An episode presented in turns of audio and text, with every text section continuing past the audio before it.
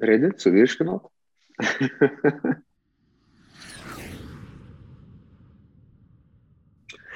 tai labą dieną, ponas ir ponai, su jumis ir vėl, neišvengiamai, tinklalaidė prisiskraidėm. Šiandien jau ketvirtasis Foxtrot epizodas, galėjau ir greitai beveik ir buvau be pameta skaičių ir, ir, numer, ir numeraciją, registraciją mūsų podcast'o, bet taip, šiandien jau ketvirtasis Foxtrot epizodas ir vėl su jumis Simonas, Justinas ir Tomas. Sveiki, lakūnai, skrajūnai ir kiti žiūrovai.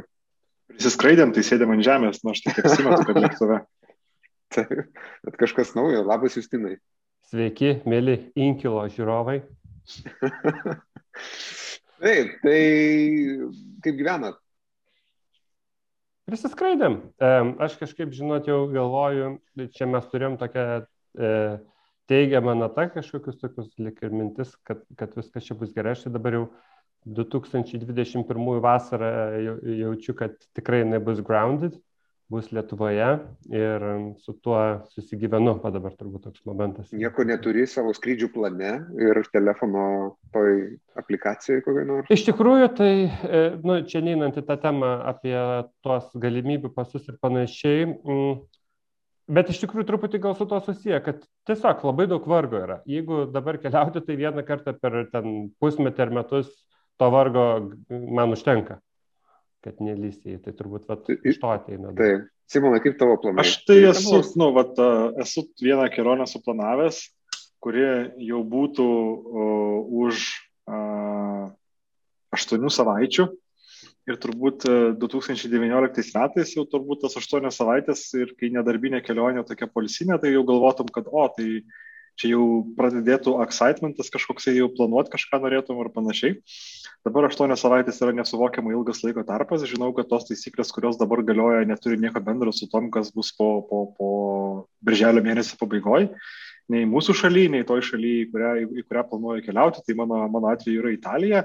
Tai dėl to tenai sekti kažkokias dabar tendencijas ar ne, kokios taisyklės šio, šiandien galioja Italijoje, ar jos vienokios ar kitokios, tai nu, yra visiškai netgi beprasmiška. Tai aš taip kažkaip ir, ir filosofiškai galvoju tą reikalą, kad kam čia apsisunkinti savo galvą ir dabar imti kažką tai galvoti. Nu, tai kai liks kokias gerą savaitę, nu, tai, tai reikia tada reikės pradėti ir, ir, ir žiūrėti, tenais, kas ten kur, kaip ir, ir, su kuo.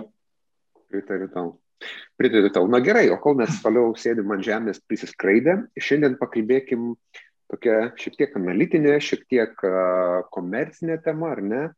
Atsakydami ir į tam tikrus klausimus, kodėl, pavyzdžiui, arba galėtume klausimus pakreipti ir taip, ar ne, kiek kainuoja skristi, arba kiek kainuoja pakelti lėktuvą varut, ar ne, į vieną ar kitą kryptį ir arba kitas klausimas galėtų būti, kalbant apie šios nosdem, ar ne, kodėl aviakompanijos galėtų uždirbti parduodant bilietą, pavyzdžiui, už 120 eurų.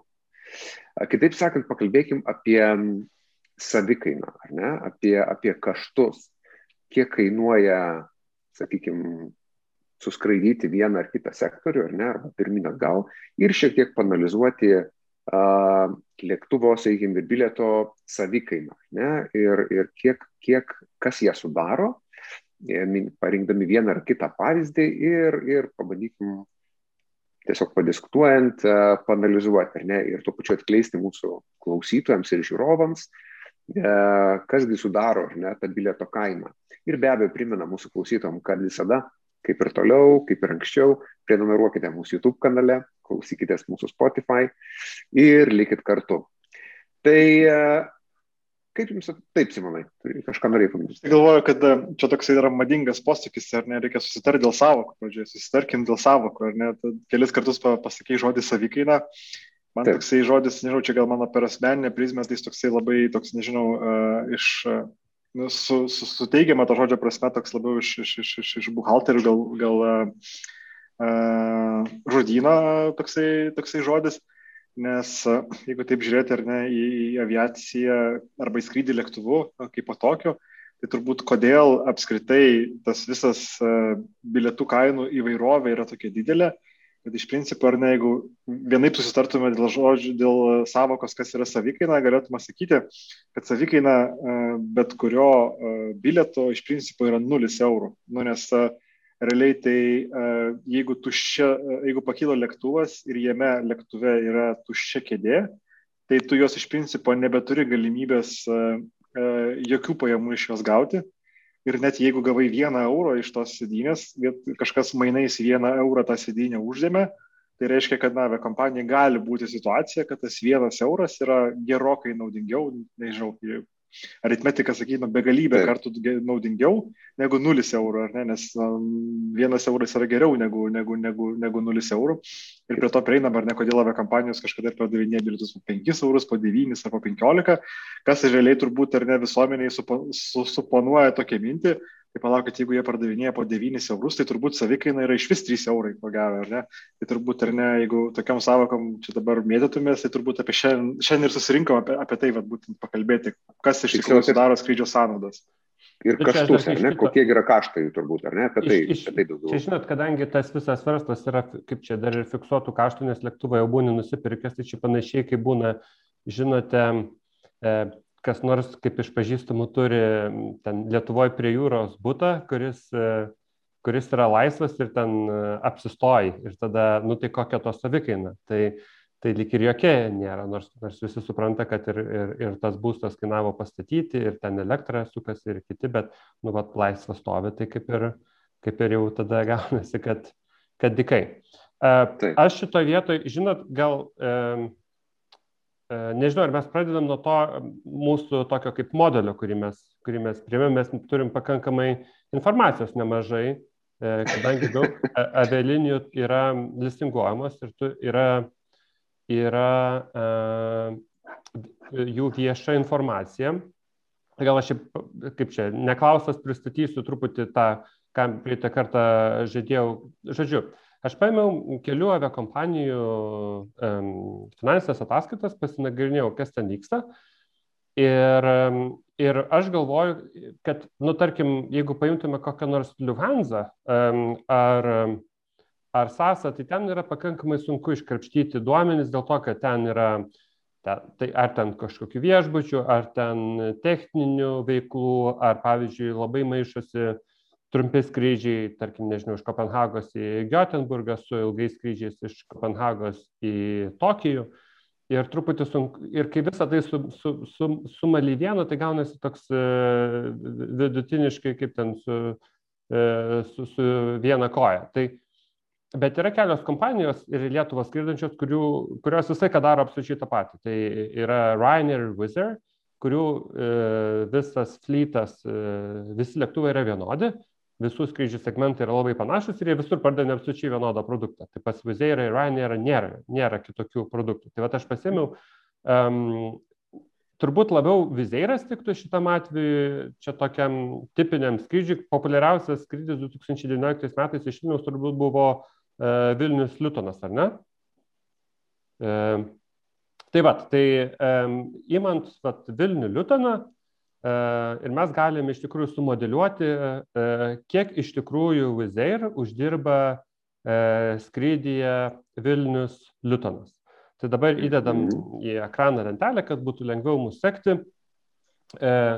Tai vidutinė pinigų suma, kurią pasiima Wizz Air iš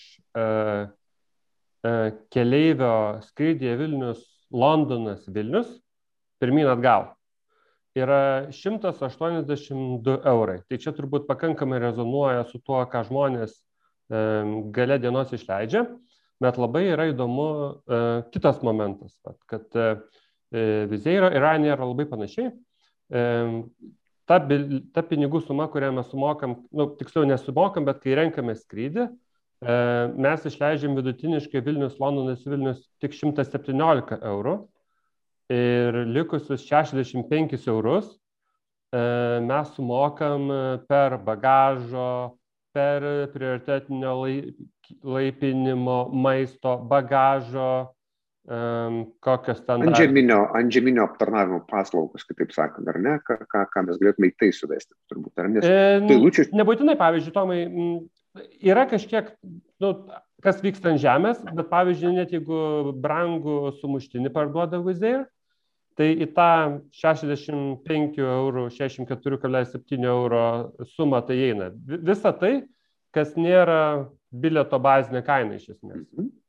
Gerai, mes tai... galėsim padetalizuoti iš tur, nes daugiau ar mažiau galėsim klausytojams pateikti, ar ne, tai visgi kokios tos eilutės, ar ne, tu gal turi tą vizeiro pavyzdį šiek tiek tokį detalesnį. Ne, ne, Tomai, tomai, tomai mes per kaštų pusę, man atrodo, kad nu, mes per kaštų pusę eisim atskirai, mes dabar į tai, ką mato keleivis, ne, čia po to, kiek jau kainuoja aveliniai, at, gal, nu, atskirai, nes čia, nes čia gaunasi kaip, kad e, iš kliento, iš keleivio kliento tu paimi už vienus dalykus, kurie visiškai neturi nieko bendro su savikaina, o po to jau tu ten atskirai dėliojasi, kas iš tikrųjų tau kainuoja, kas nekainuoja, kai kuriuos dalykus pardavinėjai žymiai pigiau negu yra savikaina, kai kuriuos e, pardavinėjai žymiai brangiau negu savikaina. Gerai, gal, manau, kad tai yra geras variantas, galim panalizuoti tą viziją ir atveju. Tai, tai va, Vizeiro skrydis mes mokam 118 eurų ir dar 65 eurus susimokam papildomai. Tai labai įdomus dalykas, kad taip, taip serė. Aš galvoju apie tą a, papildomai, ar ne, mes dabar taip, taip, taip kaip tarsi nusodinam, ar ne, bet a, turbūt gal biškai galim paliesti ir kas yra tas papildomai, ar ne. Tai, tai, tai pasakėme, ne, kad visos paslaugos, kurios, kurios, kurios susi, e, netiesiogiai yra bilieto kainai. Tai šiaip jeigu realybėje turbūt žiūrėti breakdowną, tai turbūt e, absoliuti dauguma tų pajamų bus pajamos už bagažą, už bagažą atskirai rinkti pajamas turbūt išmoko jau beveik visas pasaulio kompanijos. Labai retai yra produktų, ypatingai, tarkim, ar net tų pigiausių produktų, ekonominės klasės produktų, kuriuose būtų įskaičiuotas bagažo, bagažo vežimas, net pačiuose pigiausiuose produktuose. Viena ar kitokia forma tokio produkto turbūt turi, turi praktiškai beveik bet kuri, bet kuri, bet kuri pasaulio kompanija. Tai realybėje turbūt ar ne iš to papildomo pajamų, tai čia vat yra būtent ta liūto dalis. Faktas, kad E, sąnaudos vežti tą bagažą jos yra labai nedidelės. Negali sakyti, kad jų visai nėra, tam tikros yra, nes uh, ir ant žemynio aptarnavimo kompanijos, ir, ir, ir oro uostai irgi išmoko truputį paimti pajamų už tai. E, įvairūs bagažo sistemos mokesčiai uh, arba, arba, arba uh, mokesčiai už būtent įkraunamą tą, tą, tą bagažą ant žemynio aptarnavimo bendroviai dažnai na, būna aviakompanijų sąnaudos, bet čia mes iš principo kalbam turbūt, kad na, kokį vieną bagažo vienetą, tai tų kintamų sąnaudų atsiranda koksai vienas, du eurai, apie tokias sumas einam kalbėti, tai ta prasme, ta bagažo kainodara, jinai nu, tikrai, e, kaip e, turbūt e, ekonomikos universitete, turbūt pirmam kursė moko, kokie yra kainodaro sudarimo būdai, tai koks ten bebūtų pasirinktas, jisai tikrai nėra tas vadinamasis sąnaudos versus kažkokia tai marža. Visai, visai, tai tikrai, tikrai yra ne tas, ne, tas, ne tas būdas, kuris, kuris naudojama šitoje vietoje. Bet aišku, dar yra ir, ne, ir kitos pajamos. Tos kitos pajamos ar ne, be, be, be, be bagažo turbūt yra dabar populiarėjanti, labai rauganti, turbūt rauganti segmentas yra už vietos pasirinkimą. Uh, jeigu aviakompanijos seniau paimdavo pinigų tik tai už, už tą papildomą vietą kojams, tai dabar aviakompanijos išmoko daug daugiau trūkų ir čia turbūt elektroninės e, technologijos labai jos įgalina tos dalykus padaryti, kad mes iš principo labai patogiai, patogiai ten apse galima išsirinkti, ką norim vietą, prie lango, ne prie lango, e, kartu su kažkuo atskirai nuo kažko ir, ir, ir panašiai, ir, ir tuos kelis eurus esam ar nelinkę linkę galėtume išleisti, kas aviakompanijoms ateina, ateina į tos pajamas.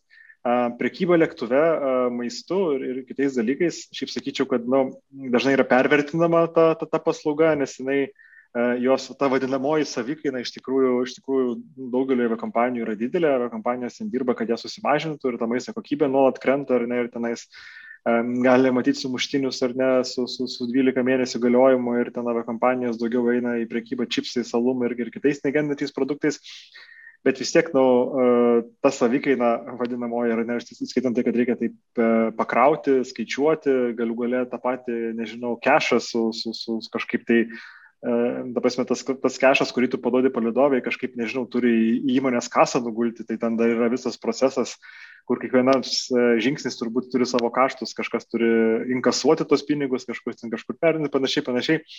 Aš sakyčiau, kad čia jeigu aviakompanija, tarkim, mes sugeba uždirbti kokį eurą pelno iš keleivio, tai čia jau toks labai yra aukšto, aukštas rezultatas, ar nebūtų tokį, to, to, tokį pasiekti. Tai, nu, man atrodo, kad e, tokia populiarioji nuomonė šiek tiek yra pervertinama šitas, šitas, šitas, šitas, šitas gabalas, skirtingai negu ten vat, bagažas arba vietos pasirinkimas, kur yra tikrai didelė, didelis pajamų būstas, vadinkim taip, aviakompanijoms, negu, negu, negu iš maisto prekybos. Aišku, Kitas dalykas, pavyzdžiui, yra dar, kad a, kai kur yra tam tikri ar ne jau tokie accountingo triukai panaudojami. Ir, ir, ir, ir tarkim, kai kurios aviakompanijos, tarkim, tas savo papildomas pajamas ir papildomas tas, pavyzdžiui, įdeda tokį dalyką kaip keleivių, kurie neskrido pajamas už bilietus. Nes jeigu tu dalintum ar ne visas skrydžio pajamas iš keleivių, kurie buvo, gautum vieną, vieną, vieną ar skaičių, bet tarkim skrydėje gali būti du keleiviai, kurie neatėjo į reisą ar ne, ir tu kaip ir nu, neturi priskirti prie, prie, prie ko tų pajamų, tas pajamas dažnai būna sukratomos į tą bendrą piragą ir pridedamas prie tų vadinamų ancillaries arba, arba, arba papildomų pajamų. Uh, tai čia vat, kas visas pačiose pači, pači, pači kompanijose.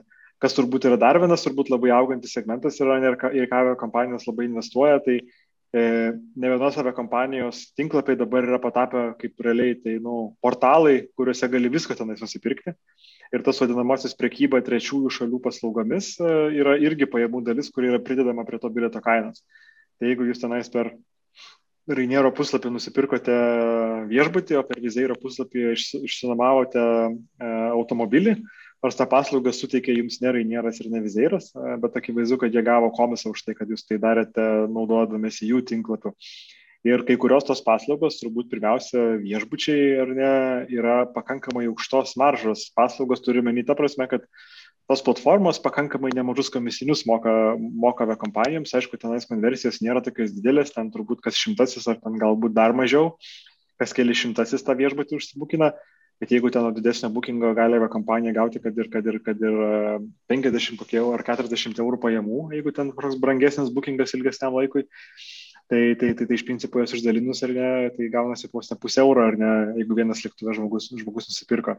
Tai tas gabalas ar ne, kompanijos jį labai stipriai vysto, vis labiau augantis yra ir jeigu aš neklystu, dabar mes čia vizeirą paėmėm, įmumsim šiandien ir nagrinėsim pavyzdį Lutoną, kas yra santykinai toksai jau turbūt ilgesnis negu vizeiro vidurkis e, skrydžio maršrutas. Nes bent jau ką jie skelbia pagal savo, bent jau šitoj pandeminėje aplinkoje ar ne pagal savo vidurkį, kad netgi pas juos uh, tos papildomos pajamos yra didesnės negu, negu, negu, negu pajamos už bilietą. Tai reiškia, daugiau negu pusė pajamų ateina visko pat, iš to, o ne, o, ne, o ne iš pačios bilieto kainos. Tai čia toksai, mano, turbūt nuokrypis uh, į tą šoną ir ne, kad uh, pažiūrėti, ar ne iš ko susideda tos, tos papildomos pajamos aviakompanijoms ir ką tenais aviakompanijos skaičiuoja. Čia dar geras. Ką mato pointas. keleivis, ar ne, perkant, kaip jūs ten, ar ne, kaip tu minėjai pradžioje. Ja, čia šiaip dar geras labai yra, ta, yra mm, mintis, kad e, paprastai bagažas tai kainuoja vienodai, e, ar tu perki už 10 eurų skrydį, ar už, už 500, ar ne. Tai čia turbūt tas dar labai, nu, kadangi dabar labai e, pajamos yra nukritusios bilietų kainų ir šiaip bilietų kainos nėra didelės, tai vat, nu, o tie papildomi mokesčiai liko toj pačioje vietoje. Šiaip kas kartais atveda iki labai tokių idiotiškų situacijų, aš pamenu, kai Miami buvau ir norėjau pasimti viešbutį tokį, tokį įdomesnį, tai viešbutis buvo pigiai, bet parkingo vieta tai kainuoja taip kaip gerais laikais ir gaunasi, kad parkingo vieta mašinai kainuoja tiek pat, kiek viešbučio naktis. Tai nu, dažnai būna su, su, su skrydžiais, kad biletas kainuoja pigiau negu bagažas, kas nu, yra visiškai prieš intuiciją. Tai vat, man atrodo šitoje vietoje aviakompanijos turbūt daug kritikos sulaukia dėl savo kainodaros, dėl to, kad dažnai labai yra prasilenkama su sveiko protu ir proporcijom. Tai kaip tas bagažas 10 kilų, nu, jis net, neturėtų kainuoti tiek, kiek vieta. Ja, bet čia turbūt yra visiškai tokia diskriminacija kainomis ir ne, kiek žmonės yra linkę mokėti už tą bagažo vežimą ir kokią tai, kokią tai, kokią, kokią tai vertę e, e, jiems iš principo sukuria. Ką šitai vietoj dar turbūt norėčiau užakcentuoti, ar ne, kad e, iš tikrųjų paminėjau truputį dėl accountingo pačių pajamų, ar ne, tai lyginti skirtingų aviakompanijų, tarkim, pajamų dalį, kurie ateina netiesiogiai iš bilietų pardavimų su kitos aviakompanijos, kompanijos yra pakankamai sudėtinga, nes sakau, tos metodologijos, ar ne, iš principo jos, jos, jos gali labai stipriai skirtis, ar ne, pavyzdžiui, paėmus tokį elementą, kaip pavyzdžiui, tradicinėms aviakompanijoms, ypatingai ilgo nuotolio aviakompanijoms, visai nemažą pajamų dalį, nu, ne tai, kad, ką reiškia nemažą, bet turbūt apie kelis procentus sudaro, tarkim, keitimo mokesčiai įvairūs. Ir tos keitimo mokesčius, nu, iš principo gali dėti kaip ir į bilietų, į, bilieto tarifą, nes, nu, kaip ir, kaip ir čia yra pajamos, pajamos, pajamos gauti iš bilietų, bet iš kitos pusės tai gali dėti ir prie papildomų pajamų. Ir, ir, ir skirtingos aviakompanijos, skirtingos iš tose vietose deda. Tai tas skaičiavimas yra, esu matęs, kai kurios, man atrodo, Amerikos aviakompanijos bagažą deda prie, baga, prie bilieto pajamų, nu, nes tai vertina, kad tai yra tiesiog, tiesiog, tiesiog, tiesiog labai arti ar ne tos, tos, tos pagrindinės pervežimo paslaugos, nepaisant to, kad už jį čardžina papildomai.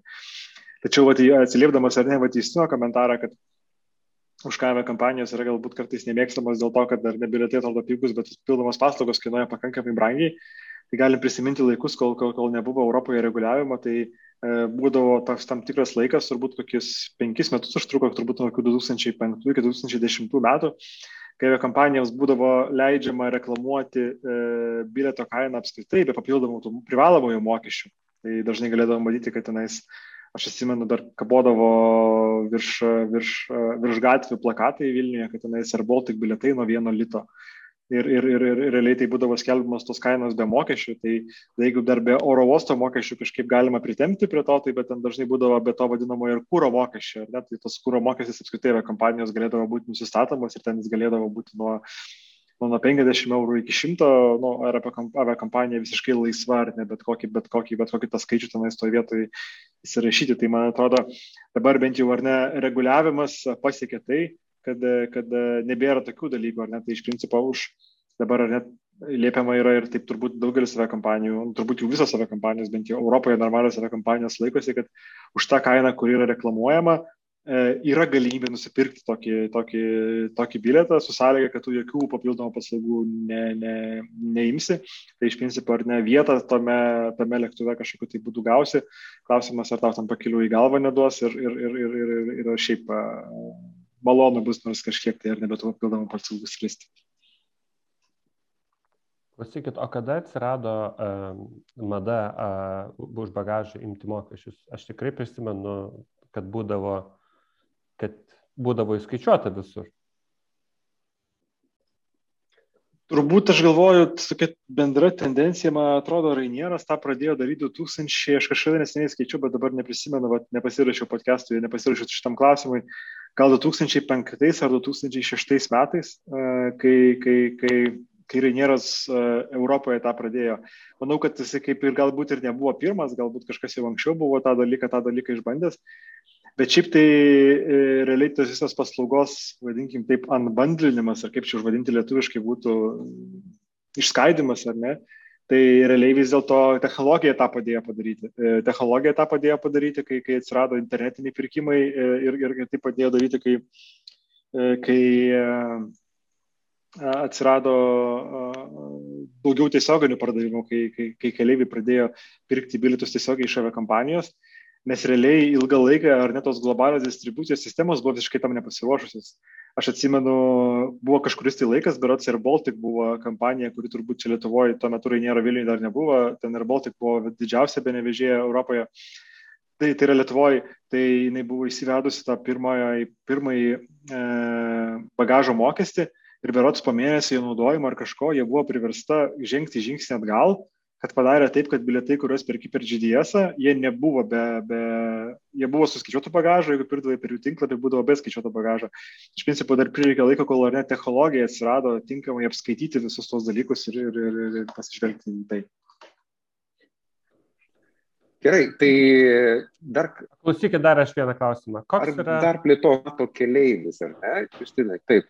Aš dar vieną klausimą jums turiu. Koks jums yra didžiausia išdurkė, kuriam, kurią jums yra padariusios avialinijos, kur vat, apgavo ir daugiausiai susimokėjot už, žodžiu, niekam nekliudėt, bet susimokėjot? Pats pradėjai dabar, kol mes sugalvosim, tai pirmas ir pasakyk savo pavyzdį, nes tikrai žinau, kad turbūt turi kažką tai, kažką tai galvoj. Aš pats nemokėjau, bet kiekvieną kartą man be, beveik praslystu ant šito, tai kai um, perkant, aš dabar net neprisimenu, man atrodo, Ryanair ten gudriausiai yra paslėpę, kai perki um, biletą ir jį ten kvotuoja uh, svarais, sterlingais ir tada moki eurais ir ten staiga gaunasi kokie 6 procentai valiutos keitimo mokestis kas ant 200 svarų ar ten 200 eurų bileto gaunasi staiga kokie 12 eurų. Ir ten, kad jį, jo nesusimokėti, ten reikia nu, iš esmės žinoti, ką padaryti. kurioje vietoje ten tris išėlės varnas nušauti ir tada jisai nusima. Tai aš, man tai šitas yra turbūt pats, pats pikčiausias iš visų, e, kur nu, jau tiesiog yra toks gatvės lygio sukčiavimas, mano nuomonė. Bet man atrodo, kad dabar jau jo... Sen, senų laikų toksai, dabar jau jo nebėra. Yra, man atrodo, vis dar. Man atrodo, kad vis dar yra. Ta prasme, tik tai tiek, kad man atrodo, kad galbūt euras dabar yra jų bazinė valiuta, tai kai mes viską darom eurais, tai mums turbūt gal tas klausimas nebėra aktualus, bet aš įtariu, kad jeigu ten pirktum zlotais arba, arba, arba kažkokia dar valiuta, tai ne, ne, negaliu pasakyti dėl, dėl, dėl Rainiero, bet tenais yra tų praktikų. Prasme, bet šitą praktiką, pavyzdžiui, netgi ir Amazonė gali taip pat pasimauti, nes Amazonas irgi tą patį daro. Pavyzdžiui, tarkim, man atrodo, tenais Amazon, ko UK brausindamas, tau vis tiek rodo eurais, jeigu iš Europos jungiasi, bet finale sako, kad tave čardžinsim svarais ir tas jų kursas, kurį jie pritaiko, jis irgi nėra, nėra toksai palankus, palankus vartotojai. Čia turbūt galima susijęti, kur atsiminkim, kai irgi būna, kai prekybos centruose kartais skaitant tavęs klausia, ar tu nori originalią valiutą atsiskaityti ir savo kortelės išdavimo valiutą, ar ne. Tai čia irgi, irgi tam tikras turbūt aviakompanijos, ypatingai Rainieras, tą sugalvoja turbūt dešimt metų anksčiau negu kaip sakant, before it was cool ir, ir prekybos netgi tie kasos aparatų paslaugą teikintis bendrovės ar ne tą, tą, tą dalyką išmovė. Bet čia vienas iš tokių yra, kur iš tikrųjų turbūt e, labai didelė dalis žmonių uh, ant, ant, to dalyko, ant to dalyko užstringa. O esat, e, esat netilpę su bagažu į tą rėmą? Man neteko kažkaip, Justinai, kažkaip ne, uh, Bet aš tiek esu matęs tų šitų vaizdelių, kad tiesiog net nesinori apie tai galvoti. Kažkas košmariško, žinai. Tai bet, bet aš atsimenu, kai, ypatingai kai atsirado turbūt iš Lietuvos tas 5 kg, ar ne, čia su visais atostogų operatoriais ypatingai, ar ne, tas 5 kg reikalavimas gal ne visi suvirškino, ar ne, tikėdamėsi, nežinau, 10, 8, čia mano toks įspūdis. Aš tai iš tikrųjų irgi kažkaip ne, ne, ne, neprisimenu, kad būčiau pats, ne, turbūt, turbūt tai parodo, kad kažkoksai tai e, esu visai edukuotas, edukuotas, edukuotas keliautojas. Tačiau nu, esu nekartą užsirovęs ant tarpininkų paslėptų dalykų, kurių, kurių, kurių negalėjai pajausti. Ir per vieną tarpininką esu pirkęs, bilietą, kur paskui jie kompanija pakeitė tvarkaraštį, bet tam, kad tarpininkas patvirtintų jį, E, tą bitlietą ir apskaitai, kad jisai bendrautų su manim, ten reikalavo 50 eurų ir kažkokio tokios, nu, tokios sumos, nu, kuri tokia, e, kaip, kaip pasakyti, kaip čia būna, kad ir net tenais pikti marozai šūkčiai už nieką čia mane. Tai, nu, va, tas, tas jausmas buvo labai, kad, kad už nieką. Uh, nes, nu, realiai aš kaip ir nieko blogo nepadariau ir nieko papildomai nenoriu. Viskas, ką aš noriu, ta prasme, kad, kad, ta prasme, aš aviakompanija atšaukė skrydį, aš sutinku su tuo pakeitimu, kurį jie man siūlo, kaip ir viskas atrodo tokia nu, situacija, kur, ta prasme, aš galiu net e, linkčioti galvą visam procese, bet netgi už tai, kad, e, kad, kad, kad e, palinkčiačiau tą, tą, tą, tą, už mane palinkčių tą galvą, ten už manęs ten berat prašė 50 ar kažko tai eurų, bet čia jau yra tarpininkų triukai ir dabar tų tarpininkų triukų, man atrodo, yra dar daugiau ir, ir, ir turbūt aviakompanijos yra turbūt gerokai labiau draugiškesnės vartotojai labai dažnai, nes nu, jos turbūt vis tiek, nu, visos, netgi ten ir pigių skrydžių bendrovės vis tiek labiau yra orientuotos į kažkokį tai ryšį su, su, su to vartotoju, nes turbūt bent jau nori tikėti ir tiki tom ir turbūt dažniausiai taip yra, kad ne paskutinį kartą tam keliaiviui kažką, kažką, kažką įma pardavinėti. Taip, Tai pakalbėkim dar apie kaštus, ar grįžkim prie, prie mm, kaštų, ar ne, ir, ir ką mato keleivis, mes šiek tiek jau apžvelgėm, turbūt, ar ne, ir, ir kalbėdami apie bilieto kainą, bagažą, prioritetinį laipinimą, ar ne, kitas maistą ir, ir panašiai. Ko nemato keleivis, ar ne, yra turbūt kita ta pusė ir, ir ką, ką skaičiuoja uh, čia ir, ir, ir buhalteriai, ir pardavėjai, ir, ir gal net būt revenue management Žodžiu, tai jeigu taip, jeigu taip žiūrint, aš atsiprašau, Tomai, kad įsikišau, aš labai čia kažkaip entuziastingai šiandien. E, žodžiu, iš žmogaus susirinkom 182 eurus ir 43 centus e, už biletą nu, avialinija Uzeira šiuo atveju susirinko ir dabar kur jie juos išleidžia, vat klausimas. Ne, ir, nes jau tiek vidutiniškai susirinka, tai tiek jau jiems ir lieka, kažkur juos tada padeda. Ne? Tai aš nežinau, gal įdam tada m, mm, per kiekvieną iš linijų ar kažkokiu turit bendrų pastebėjimų prieš, prieš, prieš pradedant. Tiesiog gal, gal galima žiūrovom pasakyti, ar ne, kad vis tiek kažko, kažkaip tai pagrupuoti bendresnį vaizdą, ar ne, kad kokios, sakykim, grubesnės išlaidos, ar ne, yra, yra kūro išlaidos, ar ne, kur tikrai yra nemaža dalis, ne, tada antžeminis aptarnavimas. Kaip tokio pagrupavimo ir galim paskui turbūt galbūt pra, pra detaliau ten kas ir kaip, ar ne. Apraisim tada... po to per visus, bet Bet, jo, jo, jo, tada išlaidos. Turbūt dar tokį dar, turbūt, turbūt vieną kampą ar ne, ir man atrodo, kad ne, turbūt bet kurioje, bet kuriame kompanijos komercijos departamente yra į tą klausimą žiūrima ir sprendžiama, kad turbūt tas vienas ir iš pagrindinių grupavimų yra tos vadinamosios kintamosios sąnaudos ir nekintamosios sąnaudos, nes e, tam tikra kintamų sąnaudų dalis, ar ne, tai aišku, tenais yra sąnaudos, kurios yra dalinai kintamos, dalinai nekintamos, kaip ten pavyzdžiui, turbūt kokios nors e, sąnaudos darbuotojams, nes e, bene, bene daugelis save kompanijų, ypatingai kuriuose nėra stiprios profsąjungos, jos na, dalį atlyginimo e, įguloms ar nemoka kaip fiksuotą dalį, bet dalį moka už tai, kiek jie valandų ar ten kiek skrydžių tą mėnesį, mėnesį padaro, tai tos jau gali skaidyti. Bet iš principo pats principas toksai yra, kad na, tos kintamosios sąnaudos, jeigu tinkamas žodis yra vartoti čia šitą vietą kintamosios, arba tos operacinės sąnaudos, yra tos sąnaudos, kurių nepadengus tau tiesiog E, neverta skristi. Ta prasme, tu patirtum mažiau nuostolio stovėdamas ant žemės ir neskrisdamas visai, negu, negu, negu, negu, negu skrisdamas. Ir dėl to, kai yra klausimas ar ne keliamas, o tai kas yra aviakompanijai pelningas skrydis arba nuostolingas skrydis, irgi reikia tą dalyką suprasti, kad, na, aviakompanija gali generuoti ir didelį nuostolį, tarkim, iš visos savo veiklos, tačiau galima apsukti klausimą kitaip, kad ar ne, vos ne visi skrydžiai jų yra pelningi, bet tave kompanija naudoja, nu, generuoja nuostolius. Ir kaip tai yra, nu, tai iš principo, ar ne, kad yra supainiamos dvi savokos. Kiekvienas savo kompanijos pakilimas, ar ne, iš principo atneša, atneša, tai yra geriau negu neskristi visai. Tai reiškia, na, nuostolis mažėja, bet iš principo, ar negalė, tai yra e, vis tiek nuostolinga veikla, nes, nu, tu nepadengi tų savo visų fiksuotų sąnaudų, ar tai būtų lėktuvas, ar tai būtų fiksuoti atlyginimo dalis, visi overheadai, administracija, marketingas ar kas tenais, ar kas tenais, kas tenais, kas tenais bebūtų. Taip.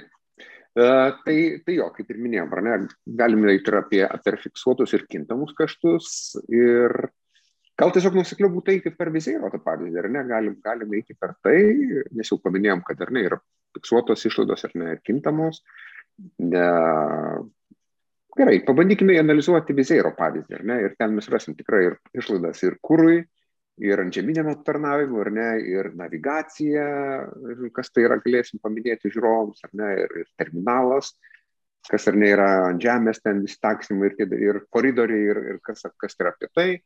Uh, ir, ir, ir tada ten lėktuvo kaštų, sakykime, ten nuomos kaina, ar ne, arba, arba ten lėktuvo, kas, kam jis be priklausytų ir taip toliau. Taip, iš tikrųjų. Tai va, nuo, uh, pirmas, uh, pirmas dalykas, kurį kiekvienas keleivis realiai susimoka, uh, ir mes įdedam lentelę, kad galėtumėt, kas YouTube žiūrit, tiesiog sekti. Tai pirmas dalykas yra beveik 10 eurų iš 180 uh, keleivis susimoka už tai, kad yra laisvų vietų.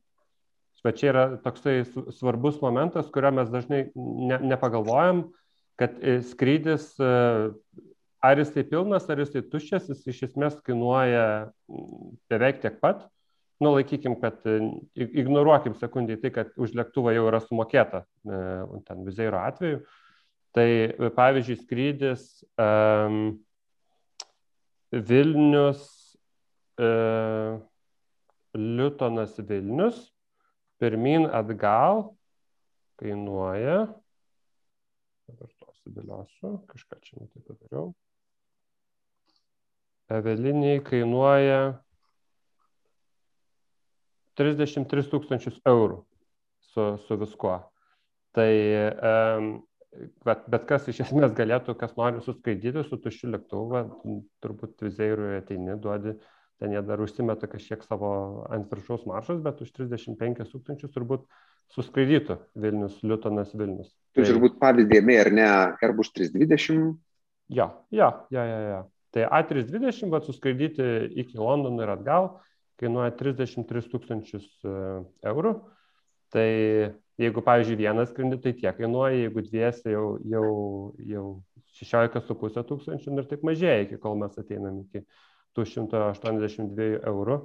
tai reikia nepamiršti, nu, vat, kad 10 eurų iš tų 182 mes sumokam už tai, kad avialinija nesugeba parduoti 100 procentų, o parduoti tik 9, sakau tik, bet 93 procentai 2019 metais buvo labai labai neblogas rezultatas. Ir Ryanair yra 95 procentai, bet jie čia yra herojai, kaip sėkmingai šiaip išparduoda visus bilietus ir nu, šito vietoje naudoja kokį įrankį. Tai tą dinaminę, dinaminę kainodarą, kaip priverčia antradienį per pietus skristi žmonės į Londoną, kurie šiaip neskristų. Tai kiek, kiek yra daug sukurta įrankių.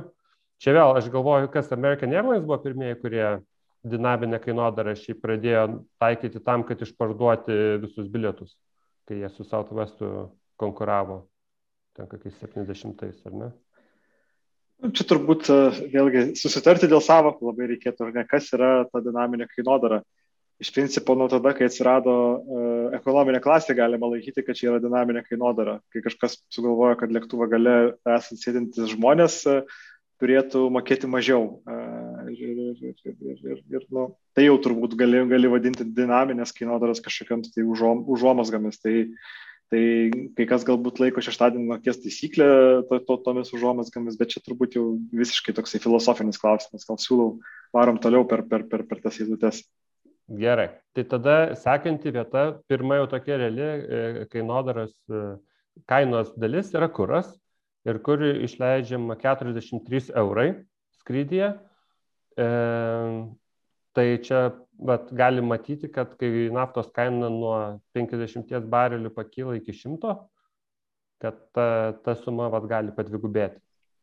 Ir čia šitoje vietoje turbūt yra svarbus aspektas, toksai smulkmena atrodo, bet iš tikrųjų labai nesmulkmena yra tai, kad mes ar ne savo suvokime koreliaciją tarp, uh, tarp, tarp naftos kainų ir, uh, ir uh, kūro kainos, ar nesuvokiam per degalinių švieslintis, ar ne? E, bet degalinių šviesintėse ta koreliacija yra gerokai mažesnė, nes e, tas e, pardavimo kaina labai stipriai veikia akcizas ir pridėtinės vertės mokestis. Kas iš principo ar ne kartu sudėjus, tenais, jeigu ten ta kaina žemesnė, tai gali būti ir 50 procentų tos visos kainos. Esmė tame, kad tarptautiniai reguliavimai tarptautiniams skrydžiams valstybėms neleidžia taikyti nei akcizo, nei pridėtinės vertės mokesčio tarptautinius, bilietus, nu, tarptautinius skrydžius vykdant. Tai iš principo, ar ne, dėl to ta naftos sviravimo įtaka aviakompanijoms yra gerokai didesnė. Ta prasme, iš principo, na, praktiškai galima traktuoti taip, na, nu, aišku, ten yra visa ta perdirbimo kaina, distribucijos kaina, užpilimo kaina, vadinkim taip, bet, bet ta koreliacija, nu, jinai labai vos ne, ne vienas prie vieno, bet, nu, labai tas didelis santykis ir jeigu e, e, naftos kaina nukanta iki 30 dolerių, versus kaina, kuri galbūt yra 70 dolerių, tai iš principo tai reiškia, kad e, aviakompanijoms kūro sąnaudos irgi padvigubėjo arba, arba dvigubai, dvigubai pinga.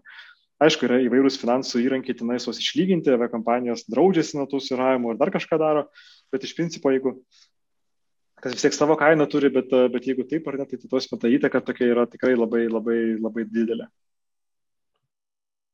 Tai va, turbūt... Dėl kūro kainų iš tikrųjų yra mokestinė prasme, taip, jūs pabaigsiu mintį, kad ne, ta, ta, ta, dėl akcizų, dėl, dėl, dėl sakykime, apmokestinimo, sakykime, vietiniuose skrydžiuose tas taip visada, sakykime, ypatingai Lietuvoje, ir čia buvo porą atvejų, dar man dirbant aviacijos užsakomų skrydžių bendrovai buvo tas toksai, kad, kad jeigu vietinis skrydis, tai reikia čekinti, kaip yra su mokesčiais, akcizas ir, ir, ir kita.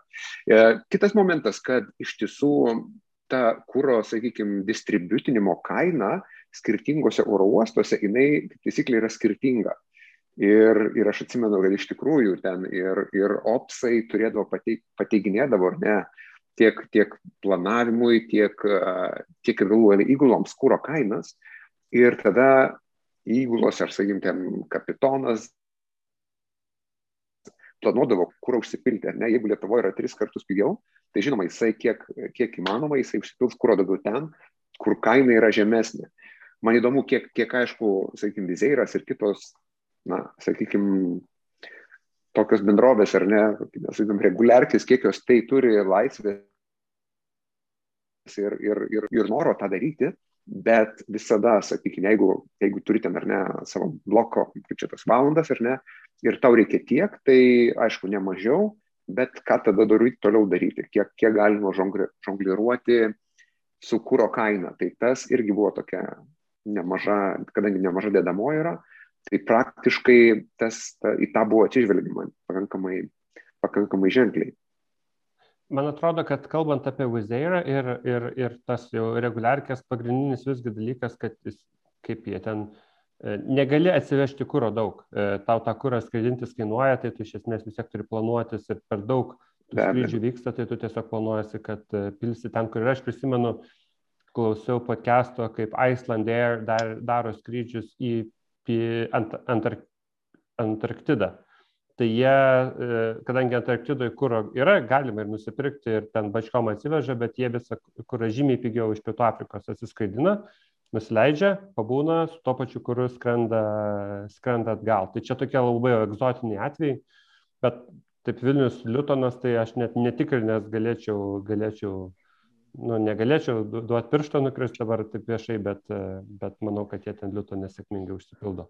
Kūro, kūro kainas iš tikrųjų tai nu, jos e, pradeda labiau sviruoti, labiau turbūt kalbant apie kažkokius tai ypatingai egzotiškas kryptis. E, ir arba, arba, arba yra išimtiniai oro uostai, kuriuose iš tikrųjų ta konkurencijos visai nėra, arba ten kažkokias e, kūro tiekimo problemos yra, bet e, šiaip jeigu skaityti tenais po Europos, e, nu, negali sakyti Europos Sąjungos, e, nes ten Lietuvos šiuo atveju ne Europos Sąjunga būtų, bet tas, vadinkim, tokios ar ne išplėstinės Europos, tos tokios, vadinkim, taip civilizuotos erdvės, erdvės šalis ir didesnius oro uostus, o ne kažkokius tai salų ar, ar, ar, ar, ar labai retai naudojamus, tai ta kūro kaina, nu, jinai dažniausiai sviruoja tokios, tokiuose rėmuose, kad nelabai apsimoka tą vadinamą tankinimą daryti ir to tankinimo kažkiek yra, kažkiek tai būna, kad ten, tarkim, na, dasipili mažiau negu galėtum, ar net, tarkim, daugiau, jeigu tu matai, kad ten Vilniuje tavo degalų kaina yra mažesnė negu ten kokia nors Bruselėje, tai, tai, tai tu, tu kažkiek, tai, tarkim, daugiau pili Vilniuje ar ne ir mažiau Bruselėje, bet, nu, tai yra tokia jau labiau, labiau, labiau detalė ir to labiau, kad tas galutinis skirtumas finale vis tiek jisai, na, nėra toksai didelis, kad jau tokia esminė įtaka padarytų. Jo, jis didelis nėra, bet ypatingai ten turi, jeigu globalius kontraktus ten su VFS, ten kažkoks ar kažkas, tai, tai faktas. Bet, bet sakau, iš karto ateina į galvą kokia nors Maskva, ar ne, kur negali aišku lyginti, bet kur buvo ten Vilnius gerais laikais, kokie ten 600 ten dolerių galbūt ten už toną ir kokiam Nukovo uoste buvo dvigubai. Tai, tai, tai va, tiesiog tas niuansas, kad... Aš to klausimą turiu. O kaip atskrenda, atskrenda privačių skrydžių bendrovė į egzotišką oro uostą ir vat reikia už kurą sumokėti, nu, ten 10 tūkstančių eurų. Kaip tai yra daroma? Žinau, būdavo įvairiai. Arba tai yra invoices, arba pilotai atsiskaito kortelę mokėjimo. Būdavo ir tokiu atveju. Ir Grineko, grineko nė, nė, nėra, kad reikalauja kur nors. Na, aš esu girdėjęs tokiu atveju ir realių atveju, e, kad, kad tai būna ir, ir girdėto iš jų praktikos būtent, kad tam tikrose oro uostuose reikia turėti kažkiek tai kešo. Kiek klausimas ir kam, kam, kam padengti, čia kita tema, sakykime, bet, bet tai egzistuoja. Nes jo, tai čia turbūt, čia turbūt du, du dalykai. Ir aš atsimenu, kai aš tik pradėjau dirbti Vilnius oro uoste, 2009 metai buvo, tai mes kaip tik panaikinam galimybę susimokėti tupimo mokestį iš privačių lėktuvų už, už grinuosius pinigus. Tai, tai, tai būdavo problemų dėl to, kad atskrisdavo pilotai ir atneždavo į dispečerinę grinaisiais ir sakydavom, kad ne, ne, ne, mes čia nebeimam, dabar imsim kortelę ir būdavo pasipiktinę tom, nes ten ar neturėdavo kortelių ar panašiai. Kita praktika yra ta, kad, nu, mano žiniom, nu, bent jau bendrovėse, kuriuose aš dirbau, ne, tai praktika būdavo, kad netgi per lėktuvo yra pririšama kreditinė kortelė įmonės, kuri tenais lėktuve pas pilotus yra laikoma padėta tam, kad, tarkim, ar nenusileidus kažkokiam tai, kažkokiam tai oro uostė neplanuotai, ar ne, reikėtų, reikėtų susimokėti už tam tikras paslaugas ir būtų tokia galimybė. Ir trečia istorija, kurią prisiminiau, čia dabar aš galvoju, čia viena iš uh, aviacinis rock'n'rollas hashtag istorijų, kurią pačią pirmą buvau prašęs, galbūt, uh, galbūt dar Google Plus tais laikais. Tai buvo istorija, kai Air France skrydis, man atrodo, kažkur tai nusileido Sirijoje. Ar, ar, jeigu aš neklystu Sirijoje, bet tai buvo reguliarus skrydis iš kažkur tai. Ir kur kur, kur, kur nepriėmė įmonės kortelės e, vietiniai tie e, lėktuvą aptarnaujantį bendrovę ar ten žmonės, kurie ten aptarnavo tą lėktuvą.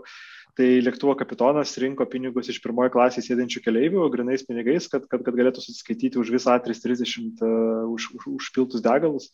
ir, ir, ir buvo ta istorija, kad jis kreipėsi į keleivius, keleiviai sumetė, pilotas atsiskaitė, paskui ten aviakompanija gražina su, su, su apkraudama dar dovanom papildomai tos keleivius, kurie vat, metėsi tokioje situacijoje, atrodo labai egzotiška, bet nu, netgi, netgi tokiam ne, įprastiniam reguliariam skrydį gali papulti vat, į tokią įdomią situaciją. Taip, taip, tas tiesa ir teisingai, tai realūs atvejai, kai kortelė gali neveikti, nežinau, lietuviško banko, kažko, nu, yra tikrai tų atvejų, kai, kai, kai, kaip sako, juokas per ašaras, bet reikia suktis iš situacijos. Taip, jūs minėjote. Gerai, važiuojam toliau tada. E, kitas didelis komponentas, ir aš tiesą sakant, truputį nustebau, koks jis yra didelis, tai beveik 32 eurai e, yra oro uostų, e, kaip čia skrydžio aptarnavimo ir navigacijos mokesčiai. Tai yra beveik tiek pat, kiek ant kuro išleidžiama e, visokiem kitiem e, mokesčiam, kurie yra, bet šitis 32 e, eurai tikrai yra, jeigu neskrendi, tai jų nemoki. Kaip, ir, kaip beje ir kūro mokesčiai. Tai e, gerai, tai pagalvokim, kas čia, jeigu taip, kas čia yra tie komponentai iš tų 32. Tai yra Vilniaus, oro, Vilniaus ir Liutono oro uostai iš avialinijos už leidimąsi ten pristumimą, ne, pristumimą čia ground handlingas daro, nusileidimą. Tai čia, to eilutė, žinai, čia ground handlingas sudėtas ir, ir kaip tu minėjai, navigacija ir terminalas. Nu, Sakytum, kai nodaro yra navigacija ir terminalas, ar ne? Navigacija tai yra tavo ta, nu, oro, sakykime, erdvėje, kur tam tikroje erdvėje tu susimoki tam tikrai, sakykime, šaliai arba euro kontroliai, gauni invoisus iš, iš už tam tikrus prastik, praskristus atstumus, žodžiu, ten tavo navigavimą. Terminalas jau yra tam tikroj, sakykime, sakykime atvykimo, išvykimo oro uoste, jau tavo yra, ten, nežinau, kiek aš atsimenu, ten viskai užėjimai ant tako ir, ir, ir jau dar ne oro uostas, dar, dar ne ground handlingo paslaugos, ar ne, dar ne žeminio aptarnavimo, bet jau, sakykim, to terminal, taip vadinam. Simonai, gal tu turi papildyti kažkaip tai iš, iš kito kampo. Jo, čia vizieras jisai savo ataskaitose labai tas tris sąnaudas suplaka į vieną, bet nu, realybėje dažniausiai yra kompanijos ar ne išskaido ir tokius tris atskirus segmentus šią matą, ar ne. Tai vienas dalykas yra navigacijos mokesčiai mokami iš principo oro erdvės navigatoriams, jie dažniausiai atskaičiuojami pagal, pagal formulės ir dedamosios yra būtent lėktuvo masė ir atstumas, kurį tu praskridai. Ir čia tokia sritis yra, kur iš principo aviakompanijos, kaip pasakyti, čia ne vieta dėrėtis, jos praktiškai nu, neturi absoliučiai jokių įrankių tenais tą, tą sąnaudas kažkaip tai susimažinti, nu, nes visur praktiškai tai yra valstybės arba valstybės na, deleguota į kažkokiai tai įmonėje teikiama paslauga ir ten ta kainodara pakankamai yra skaidri ir pakankamai, pakankamai, pakankamai aiškiai, jau reikėtų labai ieškoti keistų šalių, kuriuose tenais būtum, galėtum kažkur tenais tai vietoj, tai vietoj dėrėtis. E, oro uostų rinkliavos, oro uostų rinkliavos jos iš principo dažniausiai susideda iš dviejų pagrindinių mokesčių, e, bent jau, bent jau Europoje struktūra tai veikia. Tai, tai tupimo mokesčio ir, ir išvykstančio keliaivio mokesčio. Išvykstančio keliaivio mokestis yra tiesiogiai įdedamas bilieto kainai ir, ne, ir čia matysim, ar neįsim toliau per eilutes. Atskirai įdėta. Tai iš principo oro uosto mokesčius sudaro praktiškai na, 95 procentai tų rinkliavų yra per tupimo mokestį. Turbūt dar 4 procentai yra parkingas, o visa kita kažkokia dar smulkmė, kurią galbūt tenais iš oro uostos teikia ir, ir ją užsakai. O tupimo mokestis, jisai nu, dažniausiai tai yra tam tikra kaina per toną, tai kuo sunkesnis, kuo, kuo didesnė tavo lėktuvo maksimali kilimo masė, tai tuo daugiau tam oro uostui reikia mokėti. Trečia dalis yra antžeminio aptarnavimo paslaugos. Čia jau yra būtent na, visų pirma, kompanijos galbūt turi daugiau įrankių ir čia šitą vietą dėrėtis, nes e, e, antžeminio aptarnavimo kompanijų gali būti ne viena, o kelios.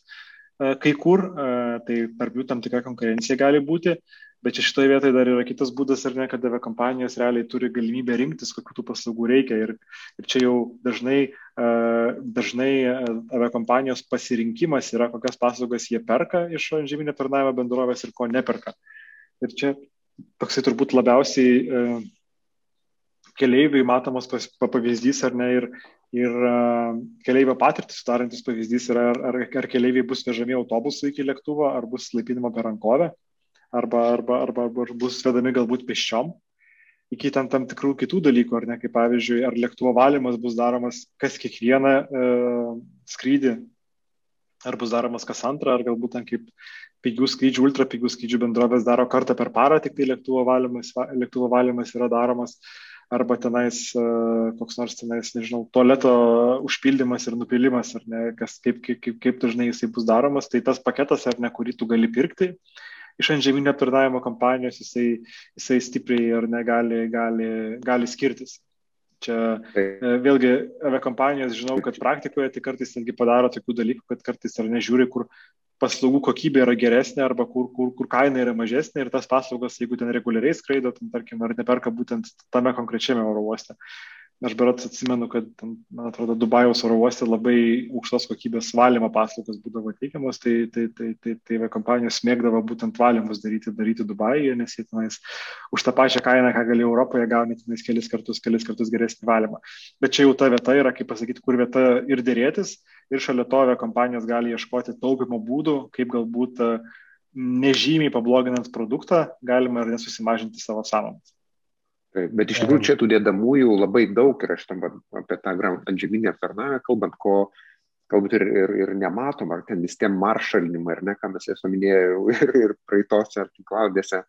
Ir, ir ten keliaivių autobusas, kaip minėjote, įgulą reikia vežti, nevežti kažkur, a, tas pushbackas vadinamas, ar ne, ten towingas, a, a, ten vandens užpilimas į orlaivį ir ten ten visi, jo, ir ten netgi čekino, ten counteris, ten, nu, žodžiu, čia yra daug, daug dėdamųjų, kas, dėl ko to kompanijos ir, ir, ir turbūt ir skelbia ir, ir tenderius, ir renkasi antžeminio aptarnavimo kompaniją ir vertina visą, čia kainoraštį, nes tų paslaugų eilutė yra labai labai daug ir priklausomai jos reikia ar nereikia konkrečių metų, ja, turbūt gauni ir pagal tai ir invoice, už tai, ką užsisakai. Taip, Justinai.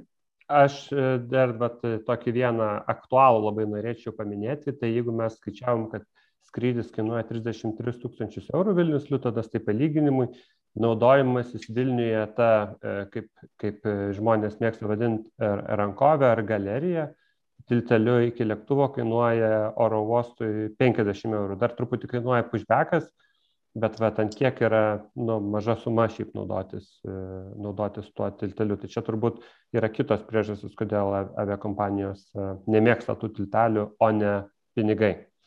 Um, tai va, turbūt, uh, turbūt šitas va, 30 eurai, tada toliau einam. Sekant, sekant, sekanti dalis 19 eurų, tai yra tiek, kiek kainuoja realiai e, lėktuvo nusidėvėjimas. Čia toks labai sunkiai apibrėžiamas ir sunkiai in, intuityviai suprantamas.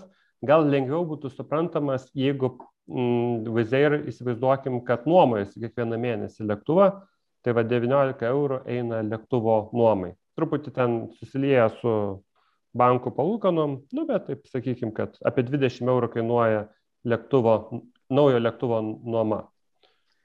Vis paprastas, turbūt toks yra, dar ne, skirtingai galima finansuoti tą lėktuvą, bet čia yra toksai lėktuvo turėjimo kaina, ne, arba lėktuvo turėjimo ja. kaštai, ar ne, su, jeigu nesigilinsim daugiau į šitą eilutę. Aš tikrųjų, ta čia pamesnė turbūt atlyginimų dalis, ar ne? Ir, ir, ir Justinai, nežinau, turi išvalgų apie, apie atlyginimus įguloms. Taip, Simonai, kažką norėjai paminėti. Ne, Justinai? Um, Tai e, atlyginimų, atlyginimų komponentą va matome yra 11,5 euro. E, ant kiek visgi tai yra nedidelė dalis ir aišku, tie 11,5 euro susideda iš e, Vizeiro atveju, jie turi 400 žmonių e, back office, aš nežinau, jis yra turbūt Vengrijoje ar, ar Šveicarijoje. Ir 4000, 4000 e, yra E, pilotų ir skrydžių palidovų. E, tai didžioji dalis pinigų nueina e, pilotam ir skrydžių palidovam. Šitoje vietoje aš neturiu jokios statistikos, bet nu, man čia toks vienas gal iš tokių e, įdomesnių momentų yra visgi, kiek kartų skiriasi m, kokpito ir, ir, ir, ir salono žmonių darbuotojų atlyginimai. Tai čia toks vienas vienas yra surrealistiškiausių šiaip dalykų, kai, kai matai ten tuos vizėjų atveju šešis žmonės, du iš jų uždirba ten daugiau negu keturi likę kartu sudėjus. Tai. Priežiūros detalės, čia turbūt techninio aptarnavimo, ar ne, kiek, kaštų. Ja, čia kiek kainuoja ta lėktuva, kuris kainuoja, šiaip pat įdomu, 20 eurų kainuoja lėktuvo turėjimas ir dar 9 eurus kainuoja jo priežiūra ir detalės. Tai ten variklius pakeisti, nu ten kas, kas išpola, čia yra viskas per ilgą laikotarpį iš, išlyginta, ar ne? Ir finansiniai skaičiai, ar ne, bankų palūkanos, mokesčiai, taip toliau. Na, čia turbūt, turbūt tos... paaiškinti, kiek čia prie lėktuvo turėjimo kaštų, Ir, ir, ir čia. Aš manau, tai, labai įdomi eilutė yra, kurią raudonai pažymėjo, ar net neigiamų skaičiam tas produkto reklama lėktuvuose, ar ne? Tai, taip, taip. Čia atrodo didelė suma, gaunasi vos ne 3 eurai per keliaivį, bet aš turiu įtarimą, kad tiesiog čia yra paslėpiamos visos valstybinės arba netiesiogiai valstybinės paramos, kurios yra suteikiamas, suteikiamas, suteikiamas aviakompanijai.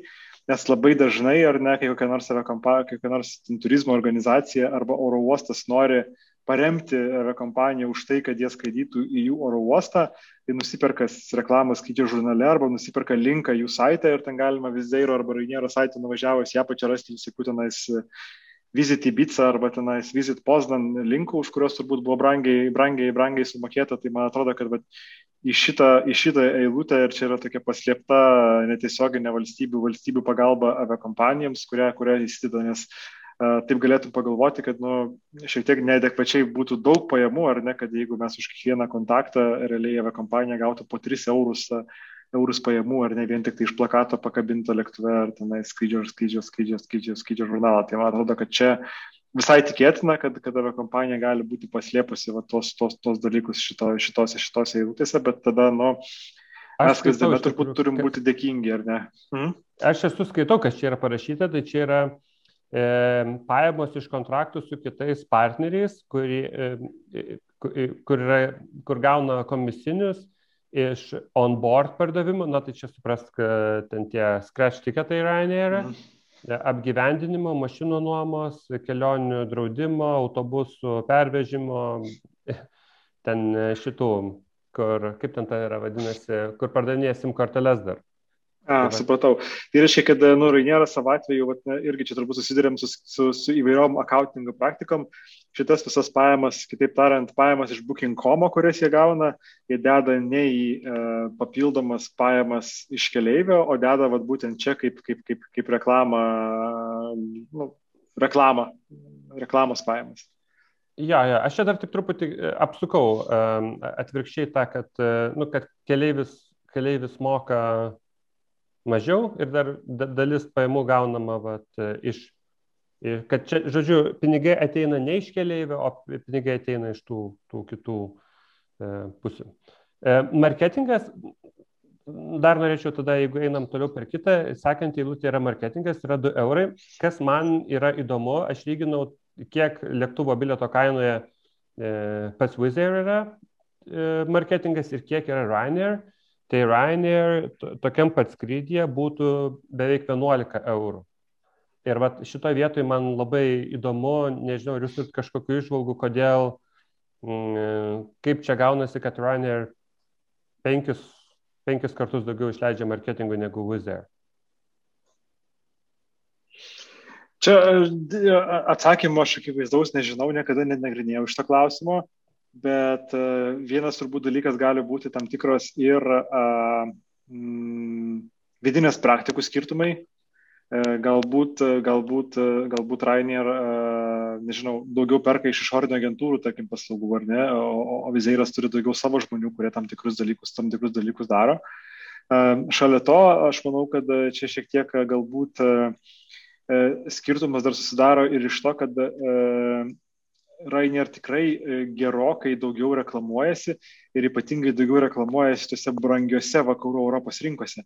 Nes jeigu įsijungsi tenais Britanijos televizijos kai kurios kanalus arba tenais e, Prancūzijos televiziją, gali net matyti Rainiero reklamas televizijoje ir panašiai kas turbūt yra visai svetima praktika vizėrų ir jie ten turbūt apart, apart ar pat tarp tam tikrų performance marketingo priemonių uh, Google, Google, Facebook'e ir kitur nelabai, nelabai kažką tai daro. Aš nelabai galbūt stebiu televizijas, bet, bet, bet nelabai pamatysi pas mus, tarkim, ar ne vizėrų reklamą televizijoje arba ten kažkokius maketus, maketus, maketus žurnaluose ką Rainieras turbūt daro tikrai daugiau ir ne tik tai, kad daro daugiau, bet ir jų rinkos, kuriuose jie tai daro, yra turbūt kartais brangesnės. Pasireklamuoti Londone kokiam nors ten tikrai turbūt kainuoja, nu, ne, ne, ne, ne turbūt, bet tikrai kainuoja turbūt ir ten dešimtimis kartų brangiau negu ten kokiam Budapešte. Visiškai. Ir teko dar matyti kokių skirtumų, tokių akį, sakykime, rėžiančių skirtumų tarp nagrinėjant Rainier ir Vizer. Jo, yra, tai vienas dalykas yra marketingas, o kitas dalykas, kur irgi Rainier išleidžia dvigubai daugiau už, už Vizer, tai yra atlyginimai. Tai man atrodo, šitie du iš tikrųjų paaiškina tai, kad Ryanair yra bendrovė, kuri skraidina vakarų europiečius visgi visų pirma. Ir tai reiškia, kad žymiai daugiau bazių yra vakarų Europoje. Ryanair, ten turbūt back office didelė dalis e, Airijai sėdi, o Vizair visą tai, visų pirma, Vizair turi žymiai dėsnį fokusą į rytų Europą, kas paaiškina per žymiai mažesnės marketingo išlaidas. Jie ne, nesikapoja su EasyJetais dėl ten e, kel, skrydžių Manchesteris, Mallorca ir žymiai daugiau rytų europiečių dirba, kas natūraliai reiškia, kad e, aš įsivaizduoju, kad jeigu kapitonų e, atlyginimų e, skirtumai nėra tokie dideli, tai, tai cabin crews tikrai Airijoje ir Britanijoje uždirba gerokai daugiau negu, negu Lenkijoje, Rumunijoje ar Lietuvoje. Nežiūrint to, kad ten įgulos Rainiero, kiek aš, nu, sakykim, didžiai turbūt dalim yra kontraktoriai ir ne, jie čia toks mano, kiek aš suprantu, įgulos Vizer yra nėra, ne, Vizeras, sakykim, dirba Vizer padaliniuose, o Rainer įgulos, sakyčiau, nu, čia spėjimas mano, bet labai didelis procentas yra kontraktoriai. Tai Čia, čia gali būti tas dalykas, kitas dalykas dar yra tas, kad nu, Rainieras čia dabar aš galvoju jau ne vienoje savo šalyje, ne vienoje savo bazėje iš tikrųjų turi, turi, turi profsąjungas ir profsąjungas yra išreikalavusias tenais tam tikrų uh, fiksuotų dalykų, kas iš principo ar nekainuoja aviakompanijoms, kad ir kaip Michaelas Olyris kovojo su jomis, bet nu, Rainieras pasiekė tą dydį, kad dar neturi turi, turi būtent dirbti su profsąjungomis tam tikrose šalise. Ir, ir, ir, ir, ir tas turbūt ar ne jiems tas, tas, tas, tas, tas šitas sąnaudos, sąnaudos, sąnaudos iškelia. Galų gale aš galvoju, kad nu, turbūt irgi aviakompanijų kaštai tai yra ta vadinamoji gros ar nesąnaudos, tai vis, vis, vis, vis, viskas sudėjusi. Tai, tai man atrodo irgi dar atsiliepia ir tai, kad nu, iš principo rytų Europoje mokesčiai taikomi yra iš principo mažesni negu tenais kokie nors Prancūzijoje ar, ar, ar, ar, ar toj pačioj, ar toj pačioj ten Vokietijoje, Airijoje ar, ar, ar, ar, kitose, ar kitose šalise. Ja, ir tai būtent dėl to mes ir paėmėm Vizeirą, nes Ryanairo tipinis skrydis nėra Vilnius, Londonas, o turbūt labiau Manchesteris, Mallorca, jeigu taip, taip palygintume, tai Tai dėl to, jeigu dar tęsiant daugiau, daugiau skirtumų esminių kažkokių nėra, lėktuvų, e, lėktuvo turėjimo kaštai kainuoja labai labai panašiai, kuro nelyginsim dėl to, kad labai priklauso nuo to, kiek yra e, apsidraudę rizikų, o ten oro uostų, antžeminio aptarnavimo, navigacijos ir visi kiti yra labai, labai panašus. Kiek man žinoma, ta prasme, galbūt tai tiesiogiai ataskaitose neatsispindi, bet, bet, bet lėktuvų kaštai jie šiek tiek skiriasi, gali būti, kad jie kažkaip yra galbūt labiau, labiau, labiau, labiau paslėpti. Nes kaip žinia, Rainieras visus savo lėktuvus, man atrodo, laiko savo balansę ir, ir užsima ten paskui jų prekybą. Ir, ir turbūt yra atskira matematika, kaip apskaičiuoti, kiek jis iš tikrųjų nusidėvi tas, tas lėktuvas per, per, per, per, per tą laiką. Vizeiro, man atrodo, didžioji dalis lėktuvų parko yra, yra lizinguojami, ta prasme, nors jie perka tiesiogiai iš Airbuso, bet paskui, kaip pasakyti, tą pačią minutę juos iš principo parduoda lizingo bendrovė ir paskui juos, juos, juos jie namuojasi, tai man atrodo, kad ten ir, ir, ir pats Michaelas Olyris savo interviu yra labai dažnai akcentuoja, kad iš principo Vizeiras labai stipriai permoka per lėktuvus ir jie niekada negalės būti tokie ar nelankstus, kaip jisai yra. Nežinau, aš čia šito vietoj turiu įtarimą, kad čia Michael O'Leary yra toksai stebuklų e, Excel'e kuriejas. Aš, aš specialiai žiūrėdamas, kiek kainuoja lėktuvo turėjimas, aš studijau lėktuvo nusidėvėjimą ir palūkanas. Jeigu aš žiūrėčiau vien lėktuvų nusidėvėjimą, tai Ryanair jis yra žymiai mažesnis negu Vizeirė pusantro karto beveik.